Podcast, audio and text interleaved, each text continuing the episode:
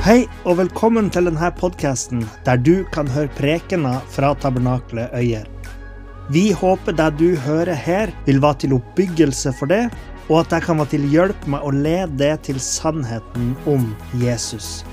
Hvis du ønsker å finne ut mer om oss, kan du gå inn på hjemmesida vår på tabernakletoyer.no.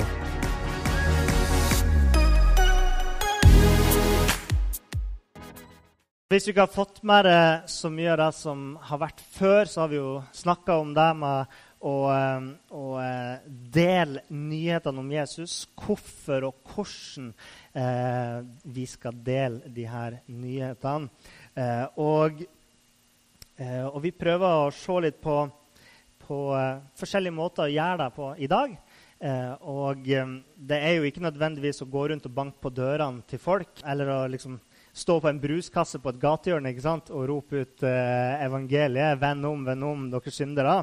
Eh, eller å hele tida gå rundt og snakke med fremmede om evangeliet. Men vi prøver å se på litt sånn forskjellige ting som kan være relevant i alle slags situasjoner.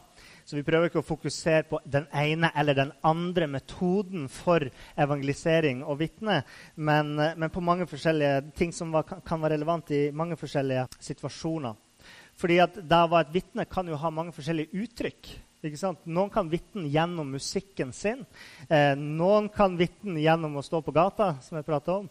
Andre kan vitne veldig sterkt gjennom det livet de lever. Folk som gir alt for de fattige, for rusmisbrukere og den type ting.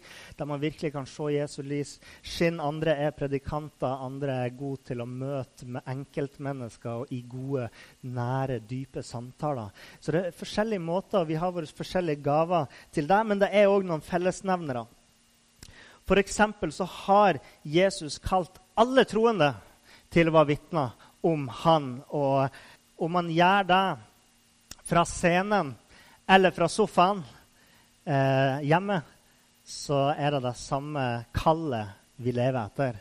Jesu kall til å være vitne om han. Så vi skal begynne å lese noen vers fra 1. Peters brev. Eh, og de kommer opp på skjermen her i 1. Peters brev, kapittel 3, vers 13-16.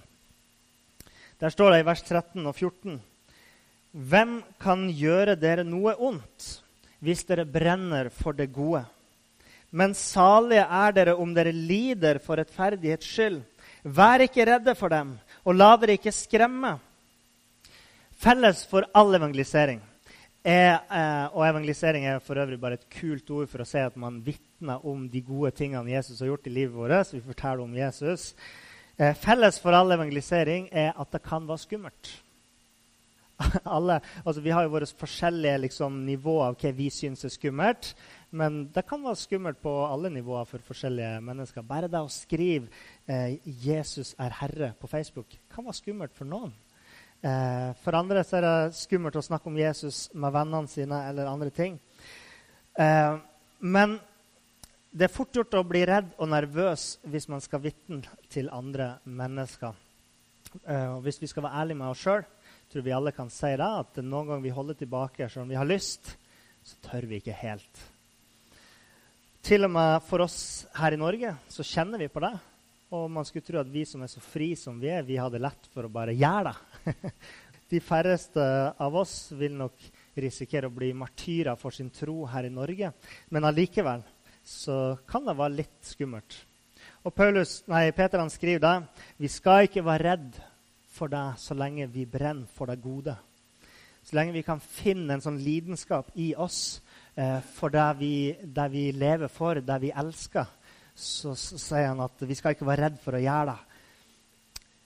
Og i vers 15.: Men hold Kristus hellig som Herre i hjertet. Vær alltid klare til forsvar når noen krever dere til regnskap for det håp dere eier. Men gjør det ydmykt og med Guds frykt. Og de her versene skal være litt sånn veileder for oss i preken i dag. Eh, forrige uke så snakka jeg om eh, at den første tingen som må ligge til rette når vi vitner, er å ha et åpent hjerte. Eh, et eh, et åpent hjerte vil la Jesus holdes hellig som Herre i hjertet. Hvis vi sier at vi tror på Han, så vil et åpent hjerte holde Kristus hellig i hjertet, som herre i hjertet. Så vi må la Jesus være herre i vårt hjerte. Og det er en interessant kontrast som eh, Peter setter opp i disse versene her. Fordi han sier eh, vi skal ikke la oss skremme, vi skal ikke være redd, men vi skal holde Kristus hellig som herre i hjertet. Når Peter eh, gikk på vannet, så begynte han å synke i vannet fordi han ikke så på Jesus, og fordi han ikke stolte på Jesus og hadde han eh, ja, la oss si, hellig som herre i sitt hjerte da han gikk der på vannet i det øyeblikket. Så eh, vårt fokus skal ikke være på de tingene som gjør oss redd, for det kan spise oss opp. Men vi må holde Kristus så hellig som herre i hjertet og fokusere på det. Det begynner i vårt hjerte, men Jesus han ønsker å være herre i alles hjerte. Og det krever at vi holder han fram, at vi viser vårt hjerte så Jesus er mitt hjerte. Så du skal ikke slå det til ro med at Jesus er herre i ditt personlige hjerte. Eh, og, eh, fordi at utgangspunktet for all misjon er at Jesus ønsker å være i alle mennesker sitt hjerte. sant? Så, så derfor så, så, ønsker vi å dele det videre, sånn at Jesus kan komme og være herre i andre sine hjerter òg. Vær alltid klare, sier Peter. Det betyr at vi skal være forberedt. Som vi hørte forrige søndag, så er det jo sånn at nesten alle kristne, ni av ti, tror på evangelisering, tror at det er viktig, men bare to av ti gjør det regelmessig. Og det er jo, det er jo litt sånn at eh, vi sier at ja, evangelisering er kjempeviktig så lenge noen andre gjør jobben, altså. Sant? Det ligger en litt sånn skjult sånn, eh, forbehold der. Og, eh, men vi ønsker jo at alle kristne skal være utrusta til å vitne, sånn at vi alltid er forberedt. Uh, og det er jo noe som, ja, som vi ber om i lederskapet, er jo at eh, først og fremst at Gud kommer og fyller oss som ledere, så vi kan være med og hjelpe menigheten vår til å lede dere. Eh, og så ber vi for menigheten. Utrust oss alle. Utrust oss med kraft fra himmelen. Og eh, det er jo så enkelt som at vi forteller andre hvor vårt håp kommer fra. At du forteller hvor ditt håp kommer fra til andre mennesker. Fortell hva Jesus har gjort for deg i ditt liv. Det er det det handler om. Og da må vi være forberedt eh, på å svare på spørsmålene Hva tror du på? Og hvorfor tror du? Og er, Vi tenker det er enkle spørsmål, men er vi forberedt på å svare? Hvis noen spør hvorfor er du en kristen, er vi forberedt? Har vi tenkt over det? Og jeg tror det er en veldig viktig ting at vi, at vi virkelig forbereder oss på den samtalen. At vi mentalt setter oss ned og tenker igjennom Hvis han Ola Nordmann kommer og spør meg en dag hva jeg tror på, hva skal jeg si da? Hvordan vil jeg legge det fram?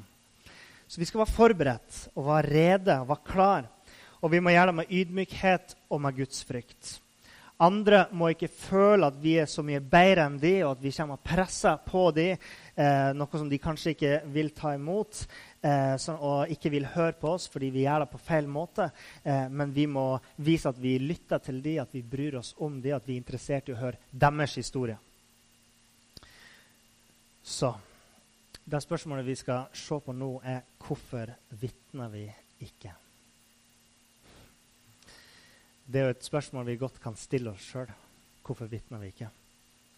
Hva er grunnene til at vi holder igjen, eller hva er det som stopper oss? For det første så tenker jeg, og jeg prøver å samle noen grunner her. Eh, Dette er ikke alle grunnene til at vi ikke vitner, eh, selvsagt, men jeg prøver å samle noen eh, viktige. Eh, den første er eh, vi er redd for å gjøre feil. Jeg tror vi er redd for å gjøre feil. Og det er litt det jeg var inne på i stad, at vi kan være litt redd for å vitne. Og, eh, og, som dere husker fra forrige søndag, dere som var her, så fortalte jeg en av mine erfaringer om der jeg forsøkte å vitne litt. Eh, som kanskje ikke gikk helt som jeg hadde drømt om, som jeg hadde forestilt meg. Eh, kanskje fordi jeg hadde litt feil forestilling om hva som kom til å skje. Men sannelig så, så fortsatte jo jorda å snurre etterpå. Eh, og, og, i dag så Jeg beundrer jo det motet jeg hadde for å faktisk gjøre det. Jeg bare ønsker at jeg gjorde det på en annen måte.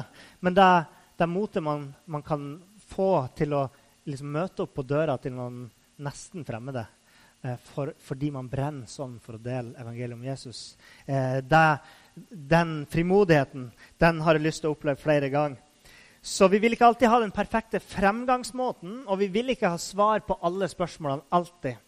Men den frykten vi kjenner på som holder oss tilbake, den kan bli et våpen for djevelen å bruke imot oss. Og, og vi må ta det på alvor og tenke over den frykten. Altså, det skjer så ofte i våre dagligdagse samtaler der vi får en tanke om at nå har jeg lyst til å si noe om Jesus. Jeg har lyst til å sitere en salme fra evangelietoner. Jeg har lyst til å si et bibelvers nå, og så holder vi tilbake. Men kanskje var det Guds kall til den personen vi holdt tilbake. Så det kan bli et våpen for djevelen imot oss. Så vi må tenke på det. Vi må, vi må dra det ned til, til liksom et, et levelig nivå og tenke at det er ikke så farlig som vi skal ha det til. Det, vi må tenke at i bunn og grunn så handler det om å fortelle om det du har sett og erfart. Jeg vet at noen av dere gjør det. og dere vet hva dette handler om. Eh, og noen andre av oss vi trenger å høre det igjen og igjen for å, for å bygge oss opp, for å finne den frimodigheten vi trenger. Så eh, det er vanskelig å gjøre feil når du forteller din egen historie. Og det er det som er så kjekt. Fordi du forteller din opplevelse, din historie, og folk kan ikke komme og si til deg at du tar feil. Fordi det er sånn du har opplevd det. Du har opplevd at Jesus har frelst deg. Det er din historie om det Jesus har gjort for deg. Den andre grunnen kan være at vi faktisk aldri har prøvd. Vi har faktisk aldri turt å åpne vår munn eller å, eller å aktivt vitne for Jesus. Vi har hørt om andre som har gjort det. Vi vet at det er bra, synes det er bra. Vi vet at vi sjøl burde gjøre det. Vi gleder oss over andre som gjør det. Men fordi vi ikke har prøvd det sjøl, så tenker vi at eh, nei, jeg kan ikke gjøre det. Jeg har ikke gaven til det. Sant? Erfaring gjør oss jo bedre til alle ting, inkludert å være vitne. Eh, og, og, det er klart Vi vil når vi ikke har gjort det så mye, så vil vi føle at uh, jeg tror ikke jeg er så flink til det her. Man får denne stemmen. Jeg har ikke gaven til det her. Men hvor mange ganger har vi gjort det? da? Hvor mye trening har vi lagt inn i det her? Kanskje ikke så mye. Og, og jeg vil oppfordre dere til å, til å, tenke på det her at jo mer dere øver dere på det, jo mer dere aktivt går inn og tar litt kontroll over samtalene dere har med andre mennesker for å, for å finne, finne, et rom til å til å dele din historie, jo bedre vil dere bli til det. Jo bedre vil dere trene øynene og ørene deres til å se når det rette øyeblikket kommer, og kjenne når Den hellige ånd tar deg til hjertet deres. Og eh, hvis dere kjenner veldig sterkt på at 'jeg har aldri gjort det før', 'jeg kan det ikke', vet dere hvem som har gjort det her veldig mye? Jesus og Den hellige ånd som bor i dere. Han har gjort det her. Han er mesteren. Så la han lede dere. Så jeg er sikker på at, at hvis man gjør det, så kan vi gjøre en bedre jobb i å være vitner. Gud er en mester, og du er hans verktøy i verden. Så stol på han, og la han lede i deg.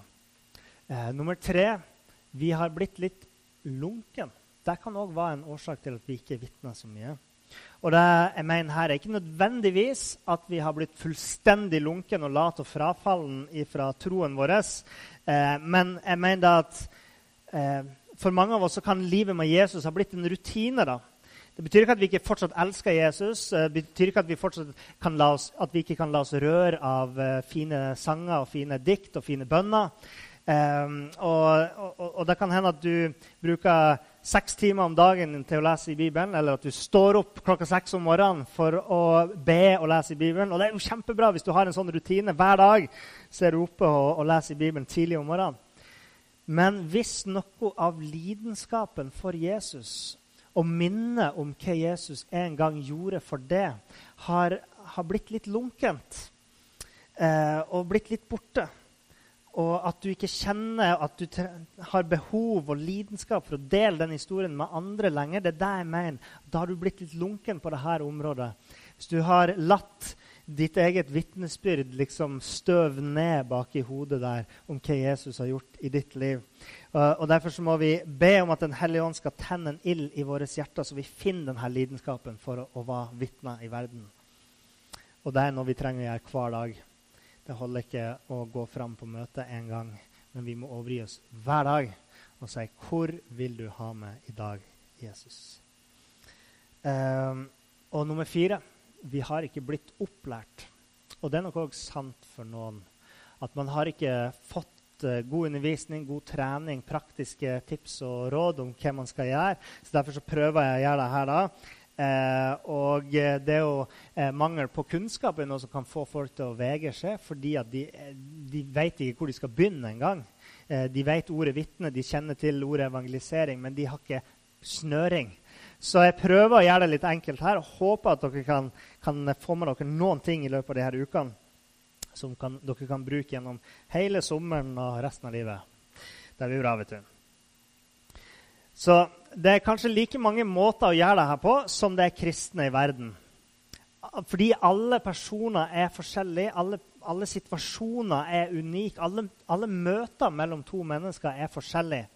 Eh, så Derfor så, så, er det ingen fasit på hvordan det her ser ut. Eh, og når man, først, når man først ønsker å i hvert fall komme seg dit at man greier å vitne, så kan det være greit med noen praktiske verktøy. Så jeg har lyst til å, å, se på noen her. Den første er å, å, å være ekte. Og Det prata jeg litt om forrige gang òg.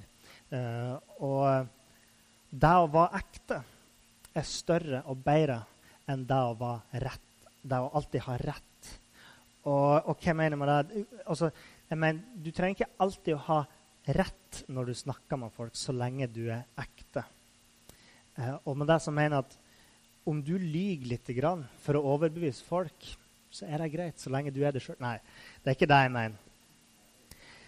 Men det handler om at du, du tør, du tør å, å, snakke om hele livet, hele din erfaring med Jesus, hele ditt trosliv, dine kamper og nederlag.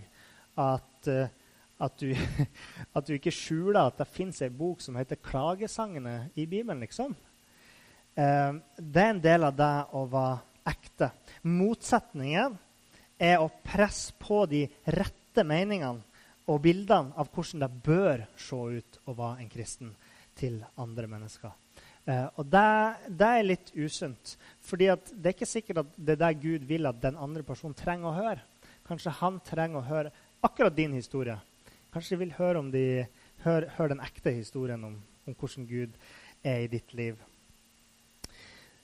Det neste tipset er å være ydmyk og respektfull, som Peter skriver om. Det vil jo si at du må lytte eh, til den du snakker med, og ikke korrigere dem hver gang de sier noen ting som du er uenig i. Fordi når man snakker om tro med folk, så oppdager dere og det gjør dere sikkert hvis dere tenker tilbake nå på de samtalene dere har hatt, at man havner plutselig innom masse forskjellige temaer. Sånn at man flyter fra det ene temaet til det andre temaet til det neste temaet. Og Da er det viktig at vi ikke henger oss opp i alle småting som den andre personen sier, sånn at vi roter oss bort i sånne anekdoter og, og, helt sånn meningsløse ting som vi prøver å korrigere, som ikke fører de nærmere Jesus. Eh, det å være ydmyk og respektfull handler ikke om å gå på tvers med det du sjøl tror på. Det er ikke å nikke og si ja til alle ting du er uenig i. Eh, for det er en mellomting mellom å korrigere dem hele tida og da å si ja, ja, ja, du har helt rett hver gang de sier noe som er fullstendig imot det Bibelen står for. liksom. Eh, så da var ydmyk og respektfull handler ikke om å gå på tvers av det du sjøl tror på, eller å gi uttrykk for at du tviler på en ting, sjøl om du egentlig ikke tviler på det. Eh, det å være ydmyk er ikke å si eh, ja, du har rett, jeg kan jo ikke være sikker på at jeg er frelst. Eller ja, du har rett, jeg kan jo ikke være helt sikker på at Gud finnes. Sånn at motparten din på en eller annen rar måte skal få respekt for din evne til å betvile ditt, din egen tro. Fordi eh, altså folk i min generasjon vi, blir, vi, har blitt mer og mer sånn at vi, vi respekterer eh, folks evne til å tvile. Ikke sant? Eh, folk på min alder de kan, de kan mislike at f.eks. at jeg tror på at Bibelen er ufeilbarlig. I hvert fall i grunnteksten. Eh, så kan de si det er jo helt latterlig. Men hvis jeg sier ja, Bibelen er feilbarlig, og vi vet om mange feil i Bibelen, men jeg velger å tro at det fins en Gud der ute som har gitt oss en viss sannhet i Bibelen, da blir folk sånn Ja! Ja! Ikke sant? Og det er veldig merkelig. Det er veldig merkelig at folk ikke, at folk ikke liker at man, uh, man er sikker i sin sak. Så vi skal ikke prøve å tvile for å få andre til å respektere oss mer. At liksom, wow, du er flink til å tvile. Nei, vi skal, vi skal stå på det vi tror på. Vi skal stå på det Bibelen sier. Så, så, å respektere andre handler ikke om å si at ja, du har helt rett, det er like bra å tro på Allah som det er å tro på Jesus. Det er ikke, det er ikke respekt. Eh, men respekt er å vise forståelse og medfølelse med andre. Eh, og ta hensyn til personen vi snakker med, uten å nødvendigvis rock, eller uten å rokke ved det vi sjøl står for. Sant? Vi kan respektere hverandre sjøl om vi har helt motstridende holdninger eller synspunkter. Eh, respekt kan finnes i det rommet. Det trenger ikke å være at vi er enige for at vi skal respektere hverandre. Det neste er var på rett sted før vanskelighetene. Og den er litt vanskelig. Hva i all verden mener med det? Vel, hvis man er på rett sted i livet til noen eh, før det inntreffer noe vanskelig i livet til den personen, da vil man finne at rommet for å komme nært den personen i det som er vanskelig, er mye større for det. Døra står allerede på gløtt. Og det er ikke, det her er ikke noe som utspekulert greie som vi skal gjøre, men, men vi, vi, ønsker å være der for menneskene fordi vi bryr oss om dem, fordi vi elsker dem. Så det er ikke noe sånn taktikk at vi skal, at vi skal tenke at uh, ja, vi må prøve å snike oss nært og komme inn på naboene våre og liksom bli bestevenner, sånn at de kan tro på Jesus. Nei, for vi skal gjøre det både fordi vi elsker personen, og fordi vi ønsker å dele evangeliet med dem. Og, og, man kan ikke nesten være en kristen uten at de går hånd i hånd, på en måte. Um, fordi sånn er det å være kristen. Da skal man dele evangeliet om Jesus. Så hvis du oppriktig har vist deg som en god venn til en person over lang tid, så vil tilliten den personen har til det, eh, være på plass når de virkelig trenger en venn. Eh, og da vil de òg være åpne for å høre din historie. Så det handler om å være på rett sted før vanskelighetene, og ikke kom, ikke kom når ting først har blitt vanskelig, og prøve da tro at du skal ha troverdighet til å kunne dele, del evangeliet. Hvis du aldri har vært der før, hvorfor skal du komme nå? Da er det fortere å møte på ei lukka dør. Det neste punktet er legg merke til dem, fortell dem og spør dem. Tren øynene dine som jeg har sagt, tren øynene dine og ørene dine på å legge merke til hvor folk er. Du må ha åpne øyne, se på situasjonen du står i, sånn at du ser når og hvor du har mulighet til å vitne. I helga hadde jeg en samtale med noen. Eh, jeg visste på klokka at jeg hadde bare fem minutter igjen før jeg måtte gå. Den personen tok opp noen tema, uten å snakke om eh, Gud eller Bibelen, men tok opp et tema som gjorde det veldig lett for meg å skulle gå inn og liksom ta det videre til eh, bibelske ting. Eh, men fordi at situasjonen ikke tillot det, så hvis jeg da hadde begynt å fortelle om de tingene jeg hadde tenkt på, så hadde jeg bare latt denne personen stå igjen med mange flere spørsmål. Og kanskje ikke komme noen som helst vei. Så, så da valgte jeg å bare eh, ikke ikke presse inn ei siste setning før jeg gikk, liksom. Sånn, uh, ja. ja. ja, ja, du har helt rett. Helvete finnes. Vi snakkes. Eh, litt sånn dumt, ikke sant? Så, så vi må ha åpne øyne, åpne ører, se på situasjonen. Og når du ser hvor de er, så kanskje du eh, ser eh, Ja, kanskje du ser ei åpen dør. Kanskje den åpne døra har vært der lenge, men du ikke har fulgt godt nok med. Eh, så når du ser ei åpen dør eller du ser en situasjon, at nå er situasjonen rett, så fortell dem om hva Jesus har gjort i livet ditt. Fortell dem hvordan han har forandra det, og tilgitt det og frelst det.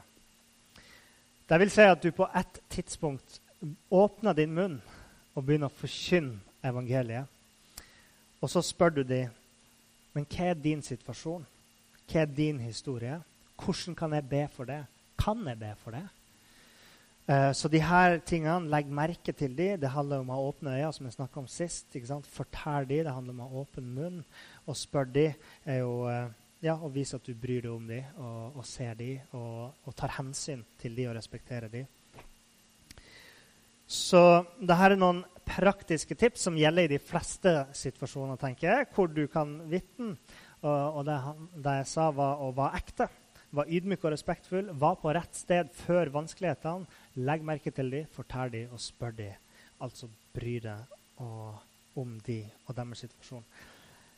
Et annet spørsmål vi stiller oss sjøl, er jo hvordan går vi fram for å dele historien vår?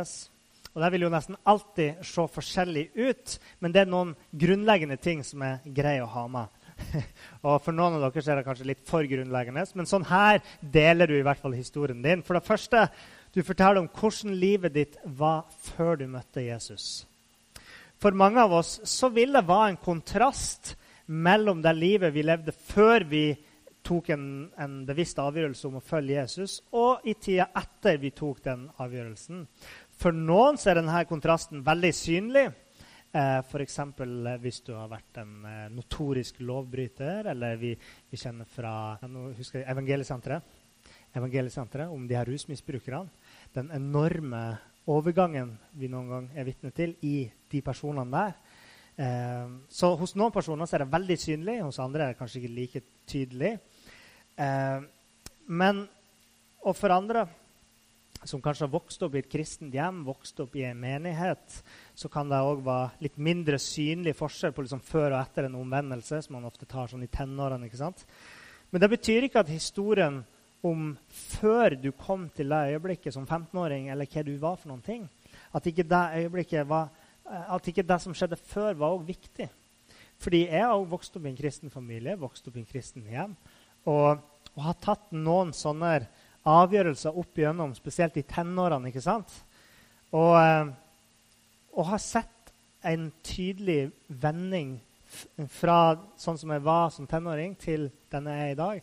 Der jeg har vært Gud igjen og igjen og kommet nærmere Han. Så, så sjøl vi som har vokst opp i kristne hjem, kan ha en historie og fortelle sånn var jeg før, sånn er jeg nå. Sånn har Jesus eh, virka i mitt liv. Det andre er fortell hvordan du møtte Jesus. Hadde du et eh, veien til Damaskus-øyeblikk? Eller var det mer sånn dragvis eh, eh, Gradvis dragvis Gradvis dragning mot evangeliet? Uansett så er det viktig å fortelle om hvordan du møtte Jesus. Og dette er et spørsmål som, eh, som jeg faktisk ofte spør kristne. Hvis, hvis jeg møter noen nye, jeg er på en konferanse, og så ute i samtalen så spør jeg ofte folk eh, men eh, hvordan, hvordan, ble du frelst. Hvordan endte du opp her? Og det er veldig gøy, fordi da får du ofte høre noen sterke og gode historier. Også, Hvis, du bare, hvis, du bare, spør om det, så fortell om hvordan du møtte Jesus. Det er ofte en inspirerende historie, selv om du kanskje ikke tenker det, fordi det er jo din historie, og den har du hørt så mange ganger oppi hodet ditt fra før. Men for oss andre kan det være veldig spennende. Og det tredje Fortell hvordan han har forandra livet ditt etter du ble frelst. Så det å sette opp denne kontrasten mellom hvordan var det før, hva skjedde da du møtte ham, hvordan er livet ditt nå? Eh, hva har det gjort for deg å vandre med Jesus i, her, med Jesus i hjertet?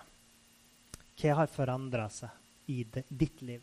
Det er viktig å få fram. Det er viktig at du tenker over deg sjøl òg. Hva har Jesus gjort for meg? Så hvis vi skal se bare ett eksempel da, Nå har jeg sagt at det finnes så mange millioner eksempel på hvordan det kan gjøres. sånn at uh, ja, det er så mange, bare sånn at dere vet det, det her er ikke sånn som det skal gjøres, men det her er ett eksempel på hvordan det kan gjøres. og Det er fra Apostlenes gjerninger, kapittel 26, der Paulus holder en uh, tale. og Vi leser fra vers 2. Jeg priser meg lykkelig, kong Agrippa fordi det er deg jeg i dag skal forsvare meg for om alt jeg er anklaget for av jødene.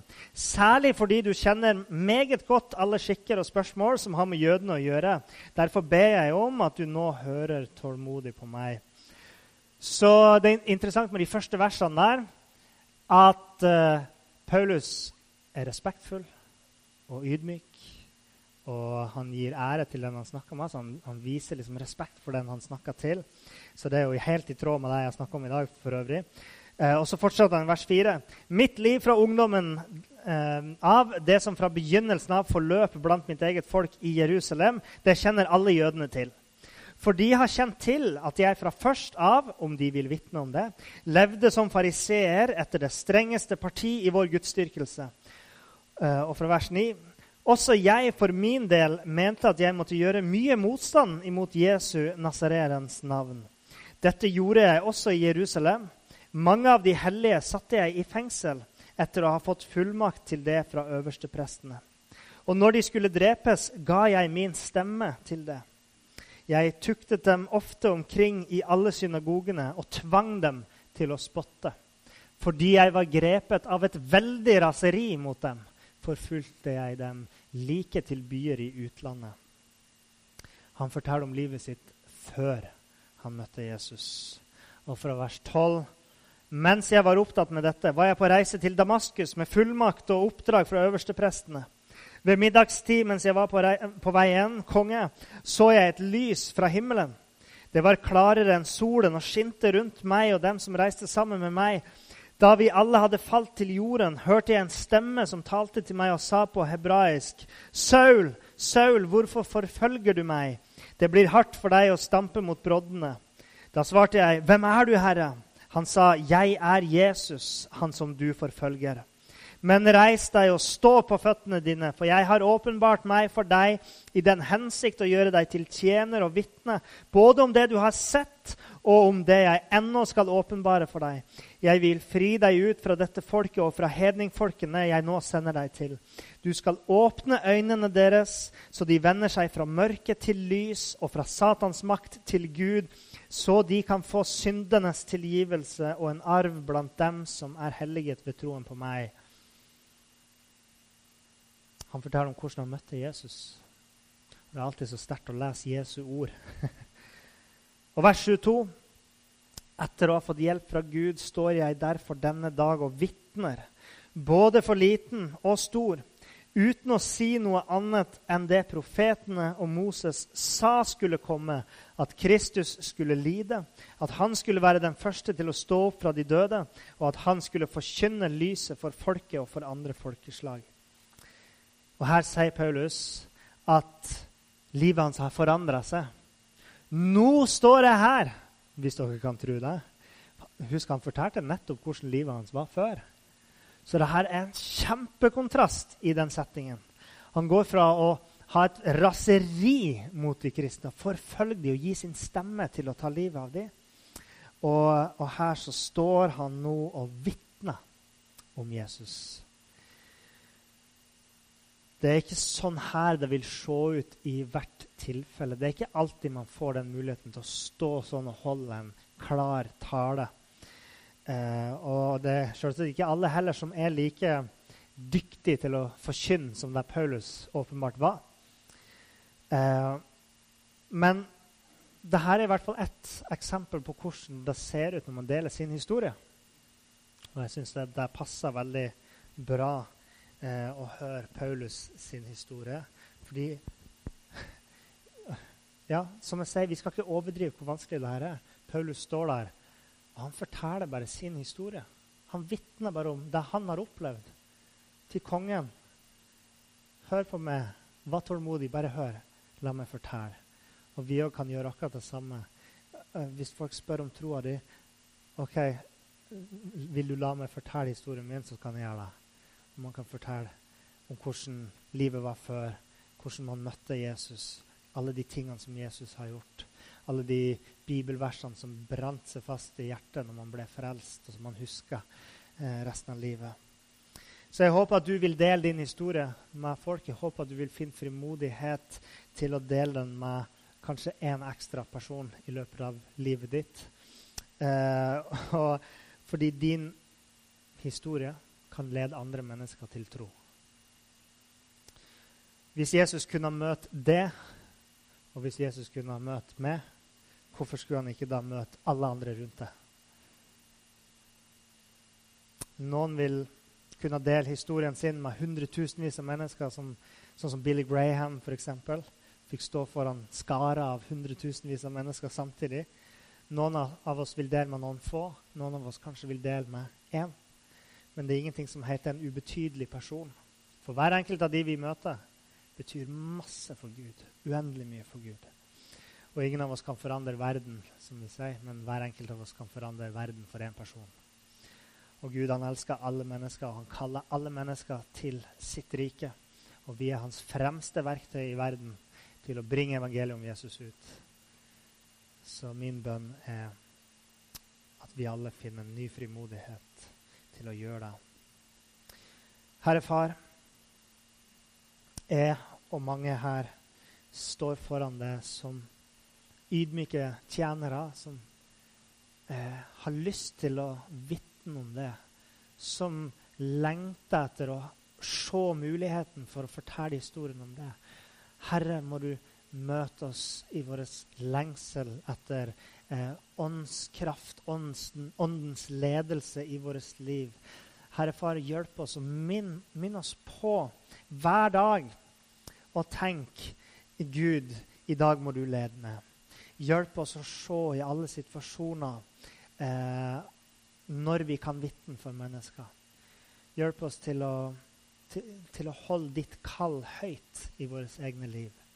Hjelp oss å huske på det viktigste kallet du har gitt oss. Gjør alle folkeslag til disipler for det, og døp de til ditt navn.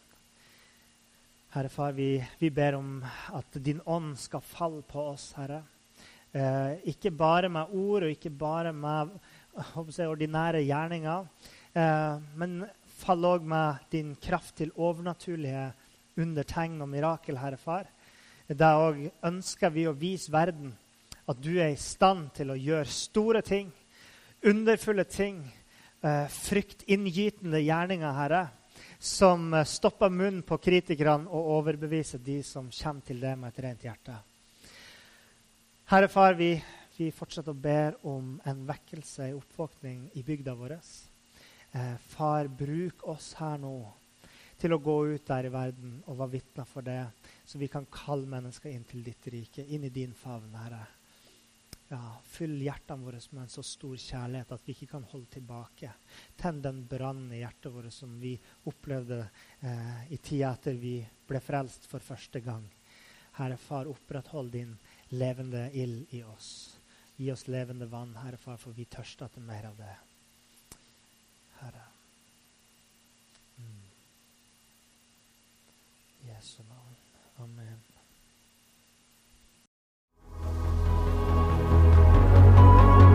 Takk for at du hørte på.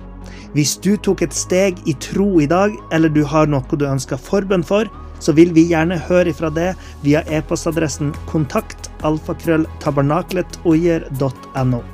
Du er òg velkommen til våre ukentlige gudstjenester i menighetslokalet i Haugskutua 5 26 36 Øyer.